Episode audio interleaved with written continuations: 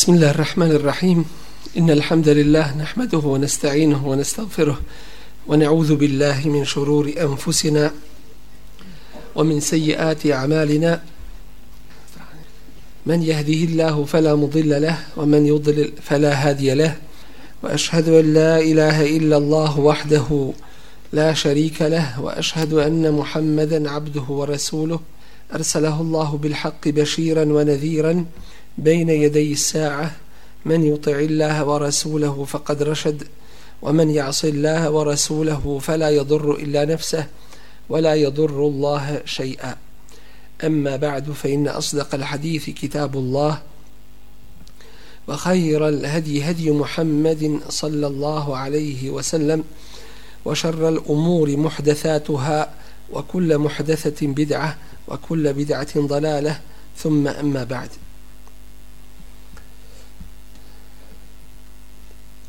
Govoreći o uvodu u tefsir bilo je govora o vrijednosti i važnosti Kur'ana a govor o tome se nikada ne može doreći niti završiti.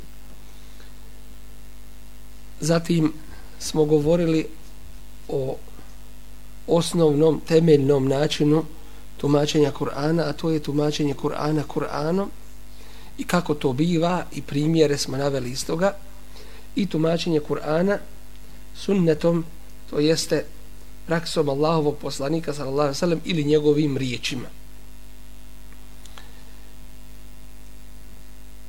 Ako ne nađemo tefsir ili tumačenje za određeni ajet ili dio ajeta ni u Kur'anu odgovor ni u sunnetu Allahovog poslanika sallallahu alaihi ve sellem. Šta ćemo onda u tome slučaju učiniti? I kako ćemo Kur'an shvatati i razumijevati? O tome će inša Allah biti noćas govora. Zatim govorit ćemo o tome kako je nastao tefsir kao nauka. Da bismo znali kako su nastale ova najpoznatija tefsirska dijela Zatim ćemo inša Allah govoriti o tome kolika je opasnost govoriti u i o tefsiru bez znanja. I kakav je stav ashaba i tabina u pogledu toga bio? Prije toga što kaže Allahu poslanik sallallahu alaihi wasallam progovorit ćemo inša Allah koliko bude prilike za to i o onome što se zove Isra ili Jati vjerovatno ste čuli nešto o tome. To su kazivanja ehli kitabija. I kakav oni ili ona te, pre, te predaje, kakav status u islamu imaju. I kako mi prema njima da se, da se odnosimo. I kako postupiti kada naiđemo na razilaženje u tefsiru. Ovo je jedna skraćena, ali vrlo važna tematika vezana za tefsir, za razumijevanje Kur'ana. Kako bismo, inša Allah, kada dođemo na to u praktičnim primjerima, mogli vidjeti kako treba da se, da se postupi. Pa ćemo, inša Allah, krenuti redom. Dakle, prvo na što ćemo se obratiti nakon što ne nađemo da je da tefsir jednih ajeta u drugima ili jedne sure u drugoj, ni u Kur'anu, pa ne nađemo ni u sunnetu Allahovog poslanika sallallahu alaihi ve sellem, šta ćemo onda učiniti? Onda ćemo vidjeti da li su ashabi nešto rekli u pogledu tefsira toga ajeta ili te sure. Zašto baš ashabi? Zato upravo što je to najbolja generacija ovoga ummeta. Jer im je data garancija u Kur'anu i u, i u sunnet. Tako da ako ne nađemo direktno dokaz za tefsir, ni u Kur'anu, ni u sunnetu potražit ćemo dokaz ili tumačenje Kur'ana kod onih kojima je Kur'an i sunnet dao dao garanciju, dao šehade, dao potvrdu njihove ispravnosti. A to su ashabi Allahovog poslanika sallallahu alaihi ve sellem. Kur'an kaže fa in amanu bi misli ma amantum bihi faqad ihtadaw. Ako budu vjerovali ehli kitabije i svi drugi kao što vi vjerujete, fekad tedev onda su oni upućeni oni su na pravom putu. Wa in tawallaw ako se okrenu od čega? Od onoga na čemu ste vi. Fa innama hum fi shiqaq. Onda su oni fi shiqaq ti koji stranjaju koji idu na stranu. Dakle na suprotnu stranu istini. Jedno vrlo važno pravilo jeste iz ovoga što zaključujemo što možemo zaključiti iz ovoga ajeta jeste da se govor na prvom mjestu odnosi na tu generaciju kojoj je ovaj govor objavljen fa in amenu bi mislima amentum ako budu oni vjerovali kao što vi vjerujete ko? da ne dođe neko danas od današnjih ljudi, generacija, grupacija i tako dalje i da kažu, eto vidite, ko je drugačiji nego mi, nije ispravan. Na prvom mjestu se ovaj govor odnosi na na ashabe Allahovog poslanika sallallahu alaihi wasallam jer je među njima Kur'an objavljen i direktno je njima upućen ako budu drugi vjerovali kao što vi vjerujete koji ste uz Allahovog poslanika sallallahu alaihi wasallam ispravni i čisti u svome vjerovanju i koji ste se pokazali i dokazali u svome radu i u shvatanju Islama.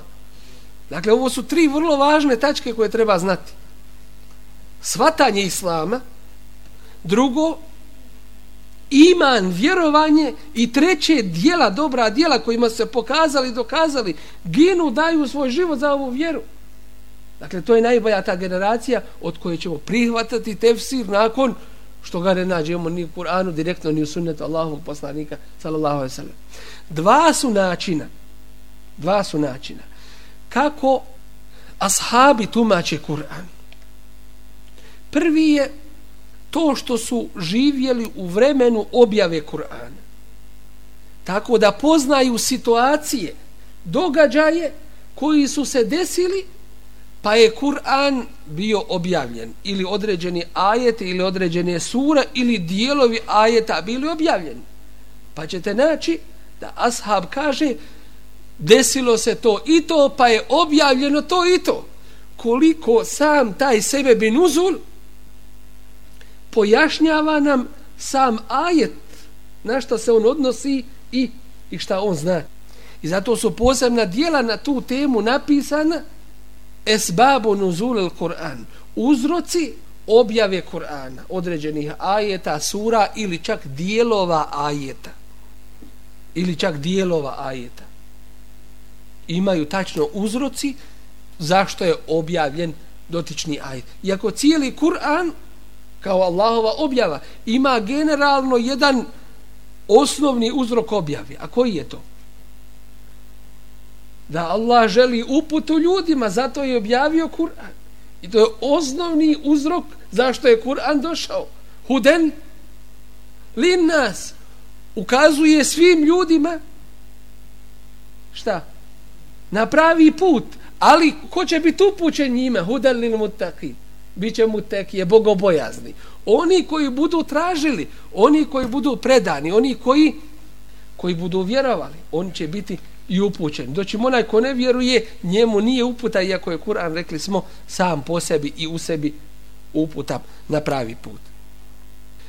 Dakle, ova vrsta rivajet ili predaja koje su nam došle od ashaba Allahovog poslanika ali i sada selam imaju hukm kakav merfu'a šta je to merfu'a onoga što je pripisano Allahovom poslaniku sallallahu alaihi ve sellem. Zašto? Jer su ti događaji uzrokovali Allahovom odredbom objavu određenih ajeta. Ili ajeti su bili rezultat određenih događaja da budu objavljeni od Allaha te bareke ve taala. I zato ovo se neprikosnoveno prihvata. Jedino što gledamo u pogledu ovoga jeste ispravnost.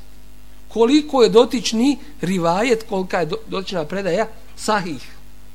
Koliko je do nas ispravnom predajom prenesena. Ali kada saznamo da je ona ispravna, onda ćemo to, onda ćemo to prihvatiti. Posebno vezano za, rekli smo, sebe binuzul i posebne knjige imaju na tu temu napisane.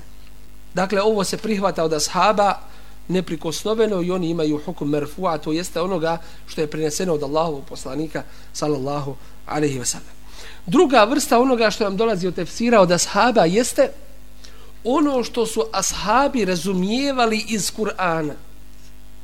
Ono što su ashabi razumijevali iz Kur'ana samim tim što su bili najbolji poznavaoci arapskog jezika. Najbolji poznavaoci arapskog jezika su bili. I najbolje su razumijevali Kur'an. A Kur'an je objavljen na čistom arapskom jeziku. Kaže Allah te baraka wa ta'ala wa innahu latanzilu rabbil alamin i on je objava gospodara svjetova Nezale bihi sišao je s njim to jeste s Kur'anom. Er ruhul emin pouzdani ruh to jeste melek Džibril. Ala kalbik na tvoje srce li te kune min al munzirin da budeš od onih koji opomenju bilisanin arabijin mubin na jasnom arapskom jeziku. I zato jedan od temeljnih preduslova za tumačenje Kur'ana jeste temeljito i dobro poznavanje arapskog čistog izvornog jezika. Jer je ovo jer je Kur'an objavljen u vremenu kada su Arapi najbolje poznavali jezik.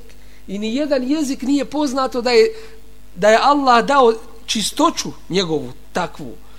Kristalnu čistoću jasnoću govora tolika značenja toliku čvrstinu riječi da sama riječ po sebi ukazuje po svome zvuku i izrazu ukazuje na ono što se hoće reći. Ni u jednom jeziku to nije poznato. Pogledajte ti dijela koja su ljudi pisali, koja su ljudi pisali prije 100 i 200 ili više godina. Ima stvari koje u većini slučajeva ne razumiješ. Promijenio se jezik. Doći im s arapskim jezikom Allah je nešto drugo učinio. I upravo ta različitost jezika, to je jedna Allahova blagodat i dokaz jedan njegov. Kaže, vahtilafu el sinetikum u elvanikum i različitost vaših jezika i vaših boja. Dakle, jedan veliki Allahov ajet. Dakle, najbolje su poznavali arapski jezik uz to što su živjeli u okolnostima u okolnostima objave Kur'ana koji je objavljivan u periodu od 23 pune godine. 23 godine. U različitim uslovima.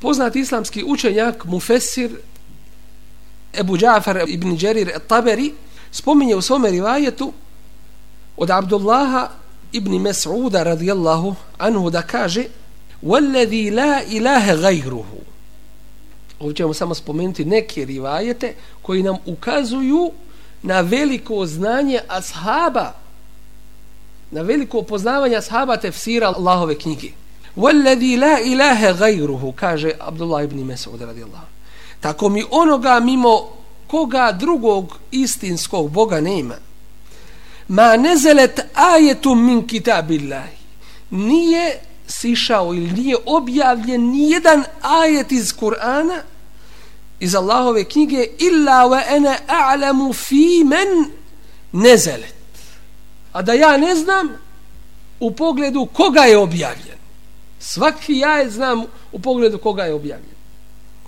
Wa ejna nezelet. I gdje je objavljen taj ajet? Pogledaj toga znanje. Walau a'lamu ahadan i da znam ikoga a'lamu bi kitabi Allahi minni da je učeniji o Allahovoj knjizi od mene tanaluhu l-mataja la etejtuhu da se do njega može doći ja bih mu otišao. Ja bih mu otišao da da se poučim Allahovoj knjizi nečem dodatnom što nisam saznao. Isto tako u drugom rivajetu spominje Al-A'meš od Ebu Vaila od Abdullah ibn Mas'uda radijallahu anhu da kaže kana ar-rajulu minna idha ta'allama 10 ayatin.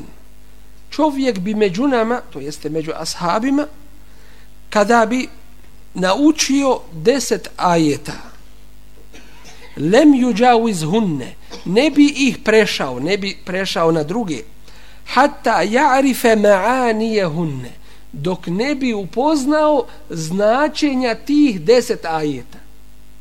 Wal amala bihinne i dok ne bi po njima radio.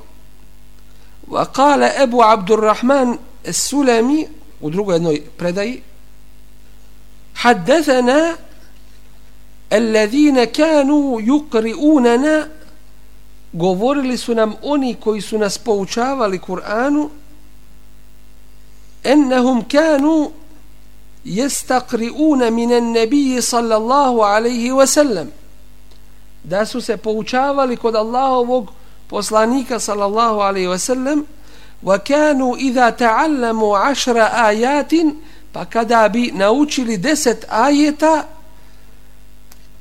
lem jahlifuha ne bi ih ostavili, dakle ne bi prešli na druge, hatta ja'lemu bima fiha, dok ne bi naučili ono što je u njima. Minal ameli od rada, fata'allamna al Kur'ane, pa smo naučili Kur'an, wal amele džemi'an, i rad po njemu ujedno. Dakle, ujedno su učili i i radili. I to je jedna od, ako se može tako reći, tajni ili ključeva uzroka uspjeha ashaba Allahovog poslanika sallallahu alejhi ve sellem što nisu uzimali ovo znanje teoretski da bi se znanje mokitili i stali kod toga nego su postepeno ga uzimali dio po dio dok ga ne bi dobro shvatili, razumjeli i dok ne bi po njemu radili. Dakle, ne na brzinu, ne izhitreno i ne teoretski da to ne bude u njihovoj praksi jer bi to u stvari bio dokaz na kraju protiv njih.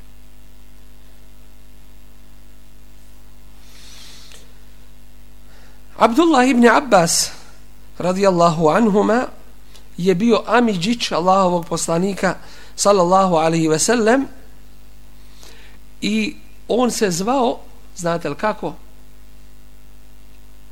Terđumanul Kur'an. Tumač Kur'ana. Znate vi šta je tumač? Kad dođete nekome da vam prevede s jednog jezika na drugi. Vi ne razumite šta, šta na tome jeziku stoji. On je on se zvao među ashabima terđumanul Kur'an prevodilac Kur'ana. Zbog velikog znanja koje je posjedovao kod sebe u pogledu Allahove knjige prvenstveno i drugo zbog bereketa dove Allahovog poslanika sallallahu alaihi wasallam koji mu je dovu učinio i rekao Allahumme faqihu fid din Allahu rekao Allahu moj ti ga pouči svatanju vjere, razumijevanju vjere, fikhu u vjeri. Svatanju vjere. Wa allimhu ta'wile i pouči ga ta'wilu. A ta'wil to je razumijevanje Kur'ana. svatanje Kur'ana. Kur'an je Allahov govor. I u njemu su nepresušni izvori znanja. I Allah je taj koji daje znanje nakon što čovjek od sebe uloži trud i radi po tome znanju Allah te bareke ve taala mu poveća ono što je znao i obdari ga onim obdari ga onim što nije znao prenosi se u mnogim predajama od Abdullaha ibn Mas'uda radijallahu anhu da kaže ni'ma tarjumanul Kur'ani ibn Abbas divan li je tumač Kur'ana ibn Abbas. I ovi rivajet, ove predaje su, kako spominje ima ibn Kefir, sahih i vjerodostojne od Abdullah ibn Masuda radijallahu anhu. U pogledu ovoga što je rekao o Abdullah ibn Abbas radijallahu anhu. kada je preselio Abdullah ibn Mes'ud po najispravnijem mišljenju da je preselio 32. hijđretske godine. Da je preselio 32. hijđretske godine. Abdullah ibn Mes'ud radijallahu anhu. Nakon njega Abdullah ibn Abbas radijallahu anhu živio je još 36 godina. Zamislite kada je Abdullah ibn Mes'ud radijallahu anhu rekao za Abdullah ibn Abbasa da je bio tumač Kur'ana, Abdullah ibn Abbas je nakon njega živio još 36 godina. Šta je još za tih 36 godina saznao? A znate li tu činjenicu da je Abdullah ibn Abbas radijallahu anhuma da mu je bilo 13 godina kad je preselio Allahov poslanik sallallahu alaihi wasallam. 13 godina mu bilo, ne više. Pa bi znao stati pred vrata nekog od ashaba Allahovog poslanika sallallahu alaihi wasallam wa radijallahu anhu. I čekajući na žestini vrućine pustinske, vjetar bi puhao u njega, on bi čekajući tražio ili bio pred kućom nekog od ashaba čekajući da on izađe da ga nešto ovaj ashab pita to jeste Abdullah ibn Abbas radijallahu anhu da, da pita toga ashaba.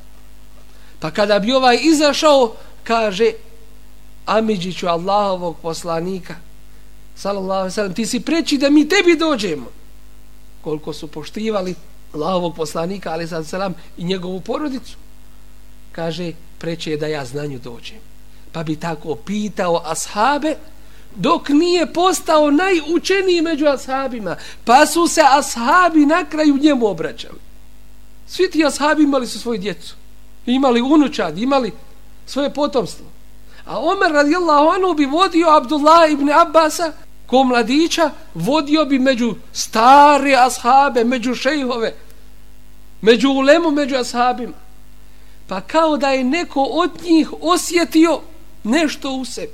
I mi imamo djecu. A onda je to htio da pokaže Omer radijallahu anhu. I pitao je ashabe, među kojima je bilo ashabi Bedra, učesnika na Bedru, i Uhudu i drugim bitkama. Pitao je ashabe o suri Iza jae nasrullahi wal fath. Kada dođe Allahova pomoć i pobjeda. To je sura koja? En Nasr, nije Fetah. Sura je Fetah, je druga. Koja je to? Inna fetahna leke fetha mubin. Ovo je sura En Nasr, koja je pri kraju Mushafa. Pa ashabi kažu ono što su razumijeli iz ovoga ajeta. Kažu, Allah nagovještava da će pomoći svoga poslanika i ovu vjeru i da će se ona upotpuniti da će ljudi u grupama ulaziti u ovu vjeru. Ono što se razumije iz ovih ajeta iz ove sure. A onda se okrenu Omer radijallahu anhu Abdullahu ibn Abbas. I kaže mu kažeš li ti ovo što oni kažu? A on kaže ne ne kaže ova sura nagovještava preseljenje Allahovog poslanika sallallahu alaihi wasallam na ahiret.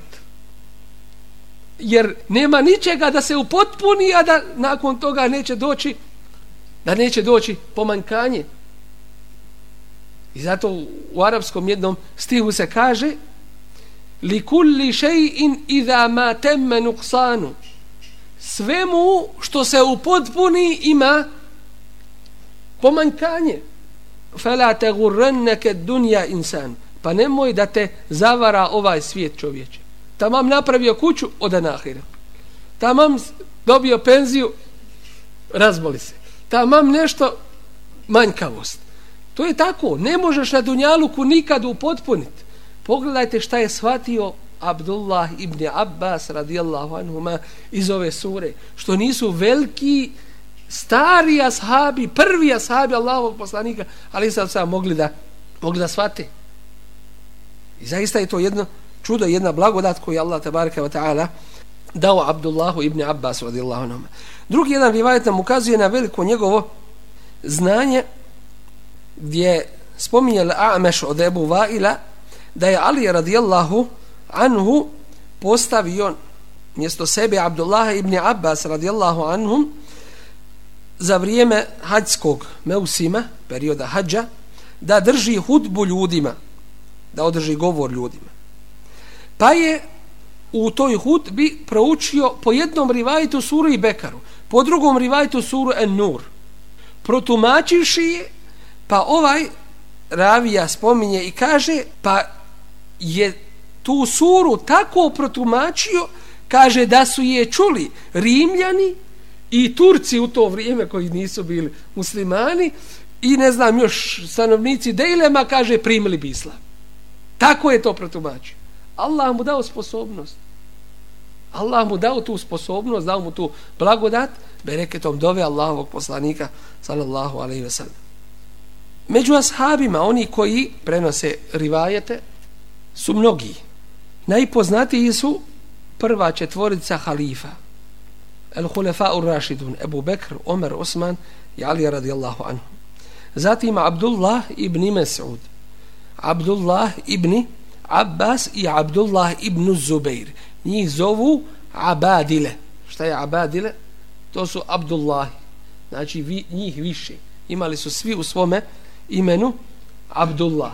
Abdullah ibn Mes'ud, Abdullah ibn Abbas i Abdullah ibn Zubair. Zatim Ubej ibn Ka'b, Zaid ibn Thabit, Ebu Musa el-Eš'ari i mnogi drugi.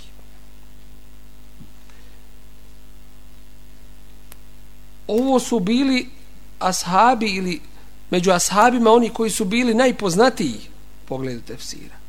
Doći im bilo i drugih, ko što je Enes ibn Malik, Ebu Hureyre, Abdullah ibn Umar ibn al-Khattab radijallahu anhuma, Jabir ibn Abdullah, Abdullah ibn Amr ibn al-As, Aisha radijallahu anha i ostali ashabi radijallahu anhum ežma'in. Od ovih spomenutih sada je nešto manje preneseno tefsira. Načelno se ovdje postavlja pitanje zašto količina tefsira koja je prenesena od ashaba je puno manja nego ona koja je prenesena od tabina, od sljedeće generacije iza njih. Kad su ashabi učeni i kad su ashabi preći od kojih se uzima, odgovor na to pitanje jeste da u vrijeme ashaba, posebno u vrijeme trojice prvih hulefaj Rašidina, s jedne strane zabavili su se događajima u islamskoj državi.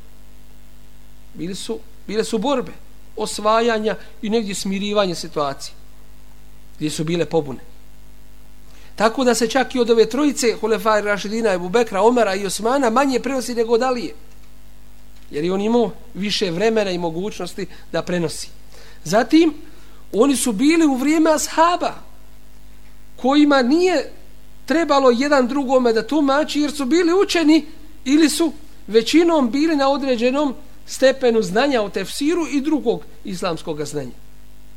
Doćim kasnije generacije kada se proširivala teritorija muslimana, kada su mnogi narodi od nearapa kojima nije arapski jezik, njihov materni jezik niti su njime govorili, bilo je potrebno, zahtjevi su se povećavali da se tefsir, da se tefsir poveća.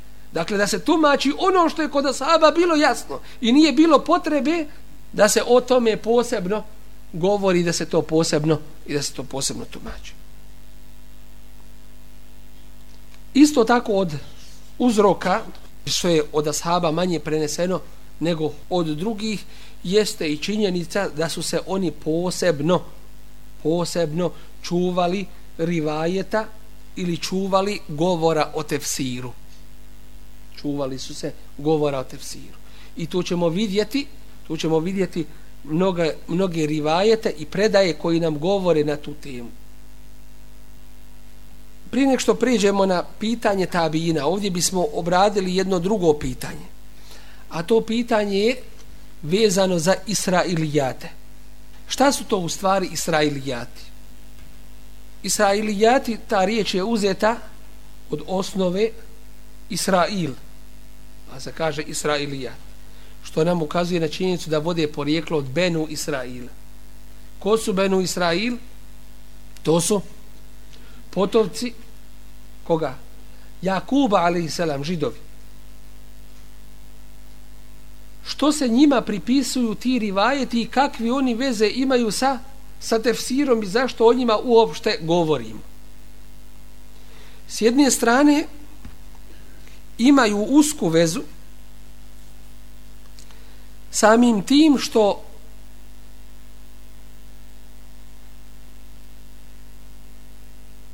ćemo naći te rivajete u tefsiru. Kako su oni ušli u tefsir? Ušli su u tefsir time što su ehli kitabije kazivale ono što su znali o događajima koji su spomenuti u, u Kur'anu.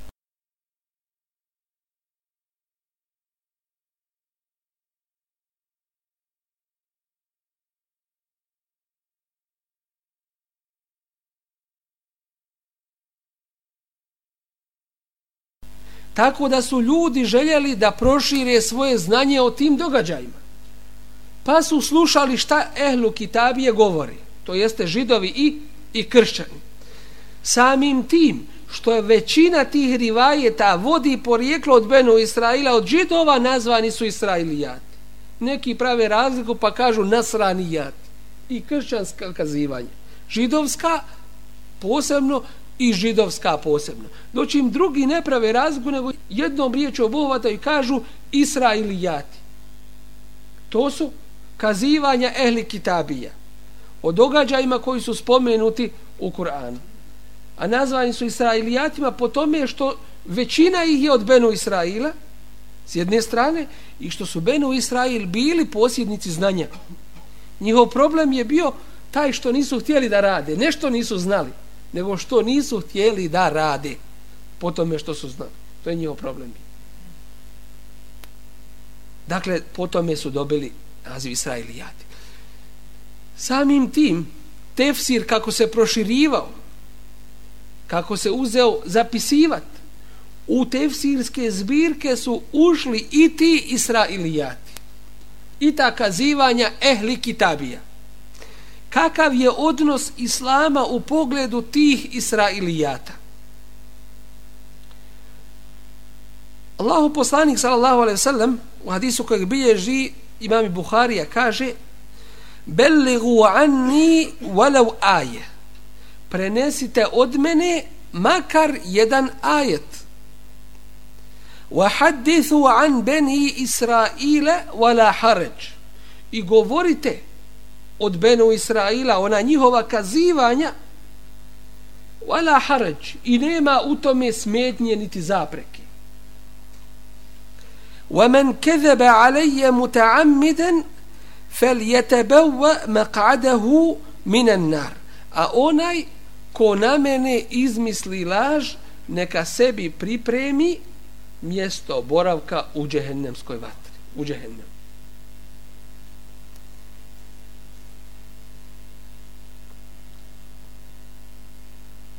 Spominje se da je Abdullah ibn Amr radijallahu anhuma na dan bitke na Jermuku da je zaplijenio i dobio u plijenu veliku količinu knjiga Ehli Kitabija. Pa je prenosio i to kazivao ljudima ono što kazuju ono što kazuju u tim svojim knjigama od tih događaja.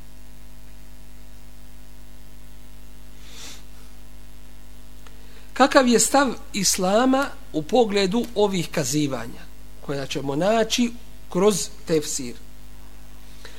Kažemo da se ona mogu spominjati mogu se kazivati ali usputno. Dakle da bismo da bismo proširili znanje o nekoj temi ali ne da bismo se na to u temelju oslonili. Jer se Israilijati dijeli na tri vrste.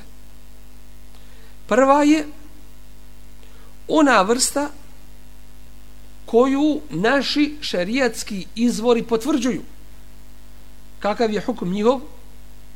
Hukum njihov jeste da, da je to ispravno. Jer nalazimo potvrdu kod nas.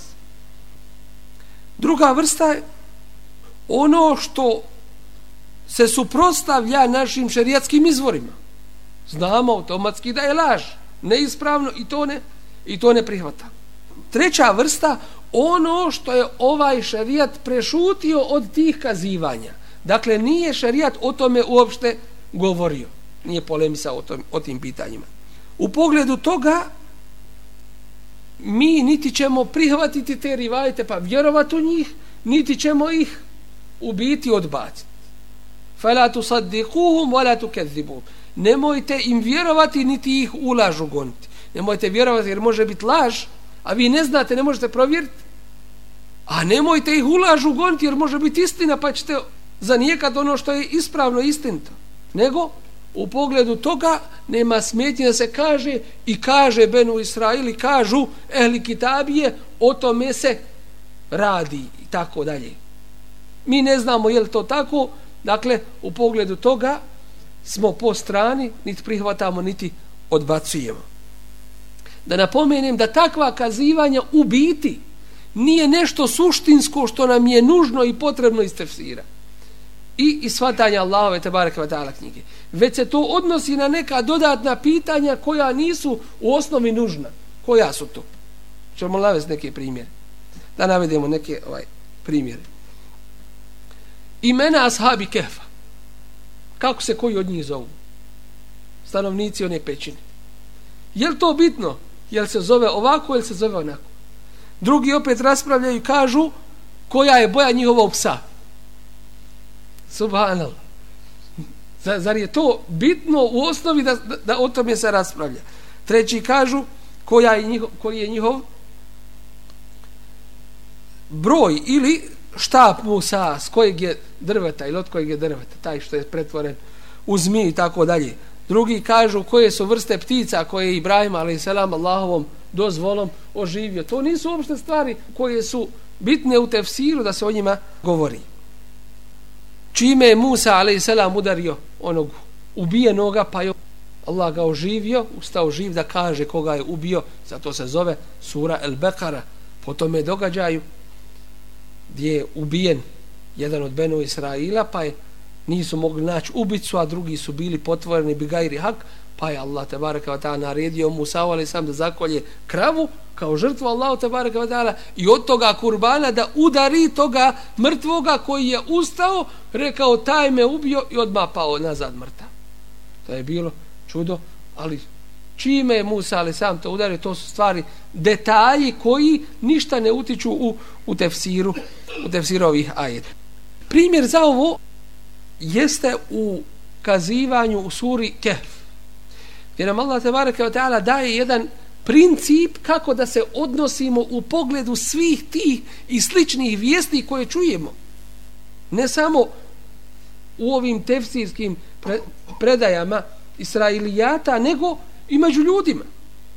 Pogledajmo ovaj ajet. Gdje kaže Allah tebareke wa ta'ala se je kulune thalathetun rabi'uhum kelbu. I kažu to je rasprava među ehli kitabijama u pogledu ashabi kehfa stanovnika pećine Podijelili se na više mišljenja yakuluna thalathatun rabi'uhum kalbu bile bile su trojica četvrti je njihov pas što se spominje pa i kao pas kad je slijedio ili kad je bio u društvu onih koji valjaju zaslužuje da bude spomenut I zato budi uz one koji valjaju, inša Allah, da, da i tebe Allah u takve upiše. Da budeš u njihovom društvu. Ne mislim porediti ovo s time, nego načelno da znam. Ojakulune hamsetun i kažu, govore, ili kitabi, petorica su bili Rabi'u hamsetun sad isuhum kelbun. Šesti je njihov pas. Ređmen bil gajb, Allah kaže nagađajući o onome što ne znaju. Spomenuo ova dva mišljenja. وَيَقُولُونَ سَبَعَةٌ وَثَامِنُهُمْ كَلْبُهُمْ I kažu, sedmorica su osmije njihov pas. Nakon ovoga Allah ne kaže, nagađaju. Dakle, vidimo iz ovoga, Allah spominje sve to što ljudi govori, sva ta mišljenja, dva je opovrgao, a jedan je prešutio, što znači da je ovaj koji je prešućen tačan i ispravan. Tačan i ispravan. Kur rabbi a'lamu bi iddetihim. Reci, moj gospodar najbolje zna o njihovom broju. Ma ja'lamuhum illa qalil. Njih ne zna osim mali broj ljudi. Fela tumari fihim illa mira'an zahira. I nemoj ti sa njima raspravljati osim samo površno. Jer nema koristi od toga. Wala testefti fihim minhum ahada. I nemoj o tome nemoj o tome nikoga od njih pitati ili među njima pitati. Ovi ajeti nam daju jasnu sliku kako se mi trebamo odnositi prema tim Israilijatima. Spomenuti ili prema mišljenjima koja kruži među ljudima, one koji može biti fiks koji meseli. Nemoj uzeti jedno samo mišljenje i reći to je mišljenje gotovo i završeno. Spomeni šta se događa, šta su ljudi rekli, šta su učenjaci rekli i tako dalje. Može biti mišljenje koje si ti ispustio ispravnije. Može biti ono što si spomenuo da je pogrešno mišljenje. I tako dalje. Dakle, spomeniš sva mišljenja, sve stavove, ali nemoj s jedne strane raspravljati o stvarima koja su beskorisne. Zatim, vraćaj znanje Allahu, Rabbi Allah, moj gospodar, najbolje zna. I treće, vrlo važno, nemoj da pitaš o stvarima koja su koja su nebitne za iman, za vjerovanje, za din uopšte i tako dalje. Dakle, iz ovoga vidimo jedan cijelokupni koncept našeg odnosa prema prema ovakvim kazivanjima. I zato nije dovoljno reći kad prenosimo stav nekoga, tako dalje, ili neko pitanje ljudima, nije dovoljno da kažemo u tom pitanju postoji razilaženje. Dakle, nije to dovoljno, to je manjkavo preneseno. Postoji razilaženje ko je rekao šta, koje su njegovi dokazi. S druge strane, onaj ko prenese grešku, namjerno taj, taj učesnik u, u neistini. A onaj ko prenese nenamjerno, taj je, taj je pogriješio. Pitanje tabina. Tabini su generacija nakon ashaba. I to je generacija koja se družila sa onima koji imaju garanciju vahja. Zapravo i tabijini imaju garanciju vahja. Hadis Allahovog poslanika, ali sad sam, fa hajrul quruni qarni najbolja generacija jeste moja generacija. thumma alladhina yalunhum zatim oni koji slijede, thumma alladhina yalunhum zatim oni koji slijede. Dakle, spominje se tri generacije. Nakon te tri generacije počinju da se šire bidati u četvrtom stoljeću. Počinju da se šire bidati, novotarije i tako dalje. Dakle, jednostavno počinje se uvojiti u vjeru ono što, što nije od njih. Mnogi su tabiini isto tako poznati po svome velikom znanju tefsira. Jedan od najpoznatijih jeste Mujahid ibn Džebr. Mujahid ibn Džebr.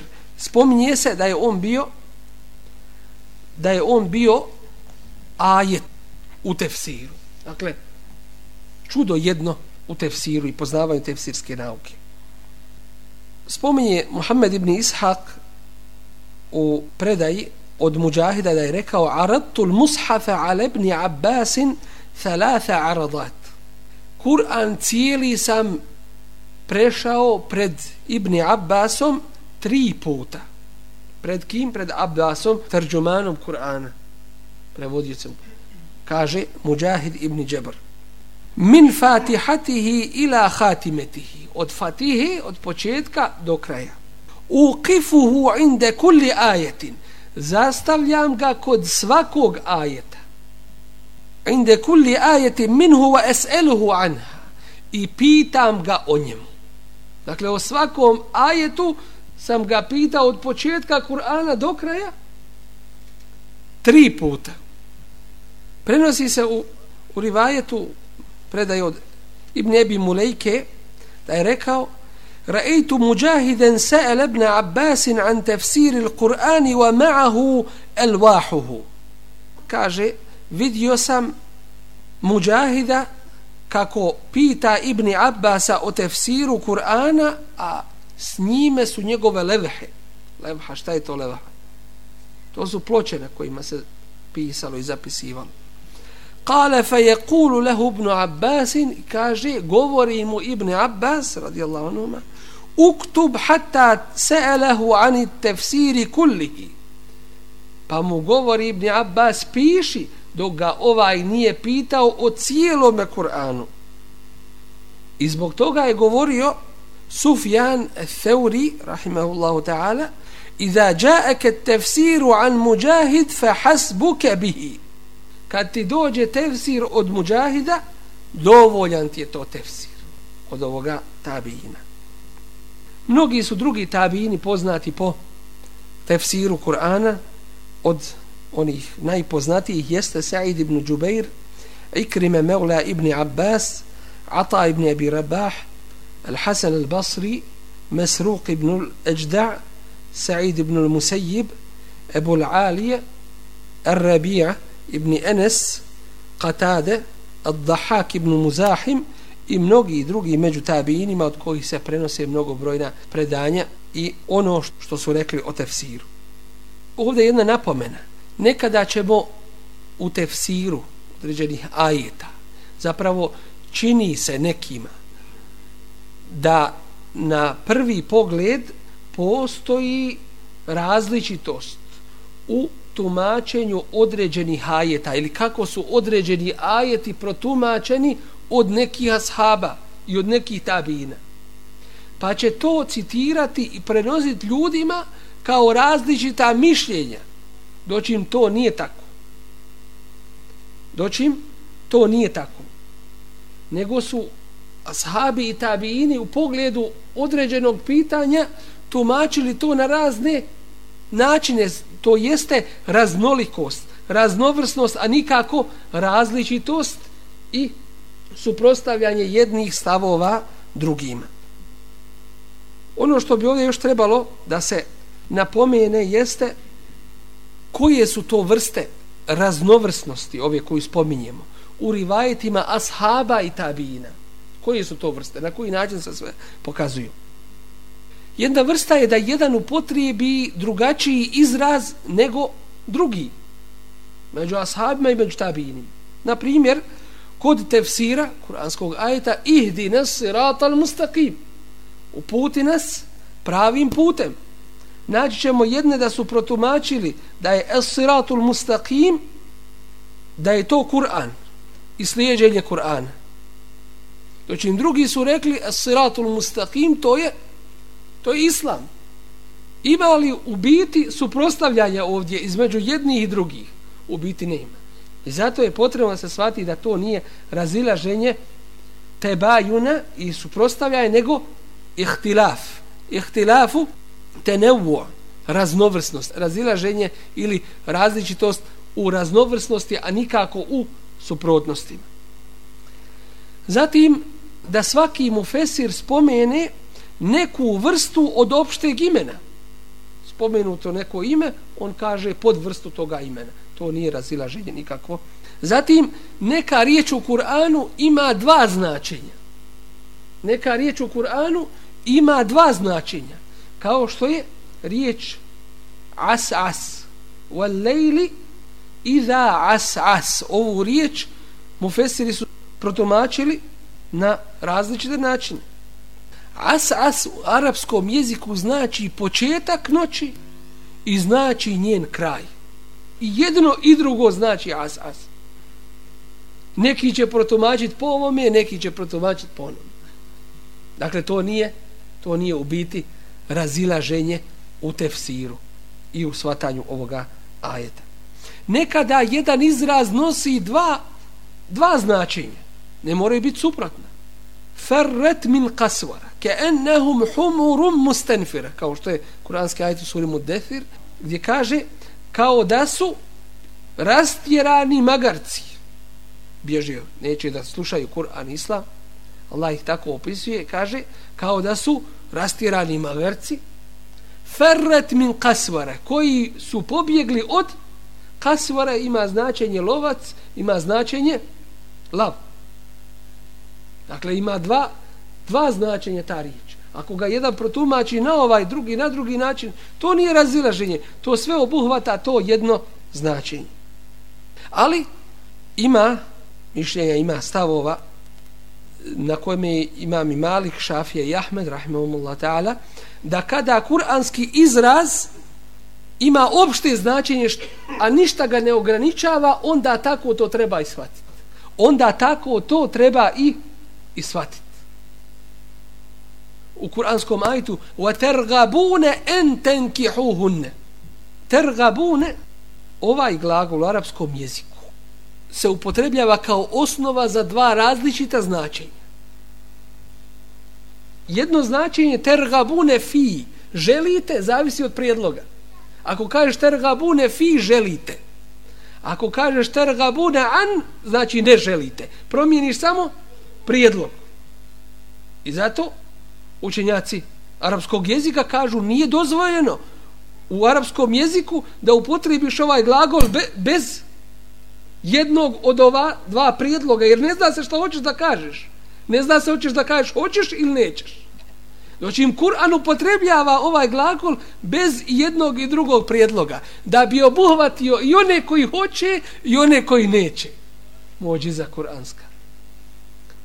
Dakle, jednostavno vidiš istoga da je to jedno čudo po svome značenju, po svome izrazu, po po onome što ukazuje ljudima. Tako da kada god može se uzeti opšte značenje i oba dva značenja, uzet ćemo oba dva značenja.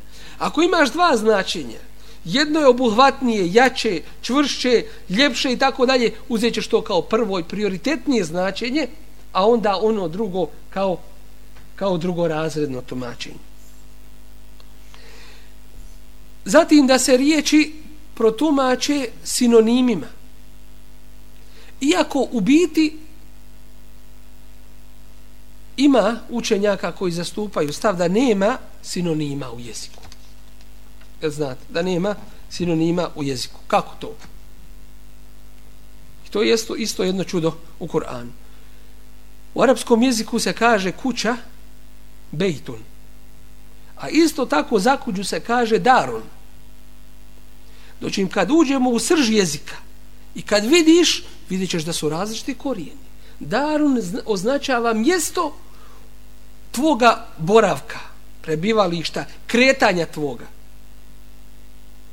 Doći im bejtun znači mjesto tvoga počivanja i smiraja. I nikada ne možeš ta isti izraz koji mi jednom riječu prevodimo kuća ili dom ili stan ili, ili mjesto boravka, ali opet se vraća na jedno, nikada to ne možeš jednu riječ uzeti i zamijeniti ono što kažu sinonim te riječi da je staviš na drugo mjesto u Kur'anu nikada. Što? Jer ona samo na tome mjestu može to biti i ništa drugo. Zato što ima svoju mudrost. I neki su čak uzeli i ispitivali to. I kažu gdje god se spominje u Kur'anu senetun, što znači godina, to su teške godine, neplodne godine, godine belaja i tako dalje. Doći gdje god u Kur'anu se spominje riječ amun, što isto znači godina, to su godine rahatluka, plodnosti, ljepote i tako dalje. Ista riječ u potrebi, zapravo različite riječi, ali mi isto prevodimo. Godina, godina. Dakle, sveobuhvatnost toga govora i nije, nije bez razloga arapski jezik uzet, uzet da, da on bude jezikom Kur'ana Kerima. Isto tako od uzroka što ljudi vide prividnim razilaženjem u tefsiru ashaba i tabina jeste jesu kirajeti, različiti kirajeti. Zato imamo više primjera, primjer u suri Hijr se spominje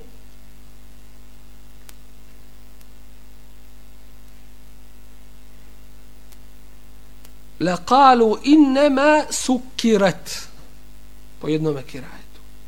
Kažu naše oči su kako se ovdje spominje zastrte. Ne vidimo a po drugom kirajetu suhirat znači ovčarane oči. Pa se opet spaja sa tim jednim značenjem. Ili ne vidimo ili smo ovčarani. A ovdje se govori o ovome kuranskom majetu i to je jedna od naučnih mođiza danas koja se koja se među ljudima pokazala. A to je gdje kuranski ajet kaže i kada bi im se nebeska vrata otvorila ولو فتحنا عليهم بابا من السماء kada bismo im otvorili nebeska vrata fa dhallu fihi ja'ruđun i oni počeli se uspinjati na više le rekli bi innama sukirat naše su oči samo zastrte ne vidimo ništa. Po drugom rivajtu suhirat občarane ebsaruna to jeste naše su oči občarane ili su zastrte. Danas to nazivaju nazivaju čime? Kad čovjek izlazi iz svjetlosti u tamu. Samo je svjetlost ovdje oko, oko zemlje u ovome atmosferskom omotaču. Izvan kad izađeš mrak je i tama. Dakle kada bi izašli iz ove svjetlosti u tamu nestalo bi im očnog vida to je jedan jedan efekat izlaska iz iz osvjetljenog prostora u mračan prostor u sred dana kada bi gledao u nebo gore iz nekog dimnjaka ti bi vidio zvijezde ti bi vidio gore zvijezde zašto? jer smanjuje se mogućnost toga te svjetlosti koja te ometa u viđenju. Dakle, gore je, gore je potpuna tama. Ovi koji su portumačili na jedan ili na drugi način, u skladu su svi sa, sa jednim jedinstvenim principom tefsira Kur'ana, s tim što, se, što su raznovrsni, što su raznovrsni kirajeti kojima se spominju jedno i drugo. Inša Allah, nastavit ćemo sljedeći put govoreći o opasnosti i odgovornosti govora o i u tefsiru. S jedne strane, haram je i veliki grije i teški grije govoriti u i o tefsiru bez znanja po svom mišljenju, po nahođenju, po pretpostavkama. Čak i onaj koji pogodi put kojim je došao do cilja nije ispravan, makar cilj bio u redu. A to je po svom nahođenju i znanju i pretpostavkama. A s druge strane, onaj ko zna nešto od ili iz tefsira, odgovoran je i obavezan da to prenesi. Jer ajet kaže letu linnas da ćete ga tumačiti ljudima wala tektumune i da ga nećete kriti. Pa si ti između harama i vađiba. Između farza i vađiba s jedne strane i harama s druge strane. Da si dužan da preneseš ono što znaš i da ne smiješ ni pošto kazat ništa o i iz tefsira bez znanja. Jer je to govor o Allahu. Jer je Kur'an Allahov govor. I to je rivajet od Allaha. I zato je to velika ozbiljnost inša Allah o tome ćemo naredni kazivati ovdje ostaje još pitanje da vidimo šta kada naiđemo na raznovrsna predanja od ashaba i od tabina koji je da nam bude među ashabima na primjer koji je da nam bude prioritetnije koje da nam bude predanje prioritetnije. Ovdje treba napomenuti da su ashabi da su ashabi nakon što su bili uz Allahovog poslanika sallallahu alejhi ve sellem da su se razlišli po različitim pokrajinama tadašnje islamske zemlje da bi proširili znanje o ovoj vjeri. Tako ćemo naći da je svaki od njih bio škola za sebe. I to smo mi među svojim starijim zapamtili. Nije bilo ovih školskih sistema, ali jedan učenik gdje se našao i kada se našao on je okupio oko sebe učenike i učio ih s tim što treba znati da su takve osobe bili u većoj ili manjoj mjeri enciklopedije u znanju. Da nije bilo znanja da kaže ne znam ništa o tome. Nego kada bi govorio o nekom znanju mislio bi da ništa drugo ne zna nek samo to. Dakle Allah im je podario veliko znanje posebno ovoj prvoj generaciji ashaba. Tako je Abdullah ibn Abbas radijallahu anhuma imao školu tefsira u Mekki. I to je najjača škola tefsira. Škola tefsira u Mekki. I najpoznatiji tabini su iz njegove škole te izašli tefsira.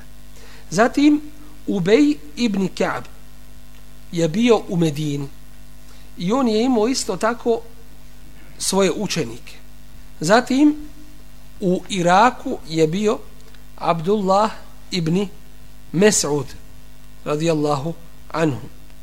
Šehul Islam opisujući ovo kaže Što se tiče tefsira, najučeniji ljudi su stanovnici Mekke. Zato što su oni drugovi Ibni Abbasa. Zatim kaže, isto tako i Kufe, jer su oni drugovi, družili se i učenici bili, Ibn Mesuda. I ulema stanovnika Medini. Što se tiče samih tabina, kada se tabiini slože oko nekoga pitanja, tefsiru, ono se uzima nužno i to je dužnost da se to mišljenje prihvati, jer su se složili oko njega. Doćim, ako se raziđu, riječi jednog nisu preče od riječi drugog. Onda se i mi potrudimo da shvatimo značenje toga, značenje toga ajeta. Isto tako, prvo i osnovno što treba ovdje znati jeste da se u tefsiru radi sa rivajetima sa predajama. I zato je potrebno kod tefsira da se poznaju osnovni temelji hadijske nauke. Samim tim što kad naiđemo na neko razilaženje, dužnost nam je da ispitamo uzroke toga razilaženja. Ako je to prividno razilaženje, ono o kojem smo govorili, onda to i nije razilaženje. Onda je to raznovrsnost. Doćim, ako naiđemo kod ashaba, na kontradiktornost, na suprostavljanje koje se ne može sastaviti, koje se ne može obuhvatiti jednim značenjem, onda ispitujemo i gledamo ispravno samog rivajeta. Jer ni sam hadis, čak od Allahog poslanika, ali sad sam ne prima ako nije ako nije pouzdan ili dobar. Dakle, ako je daif, ako je slab, ako je apokrifan, ne prihvata se, kao li da sahaba i dalje. Dakle, gleda se na vjerodostojnost te predaje.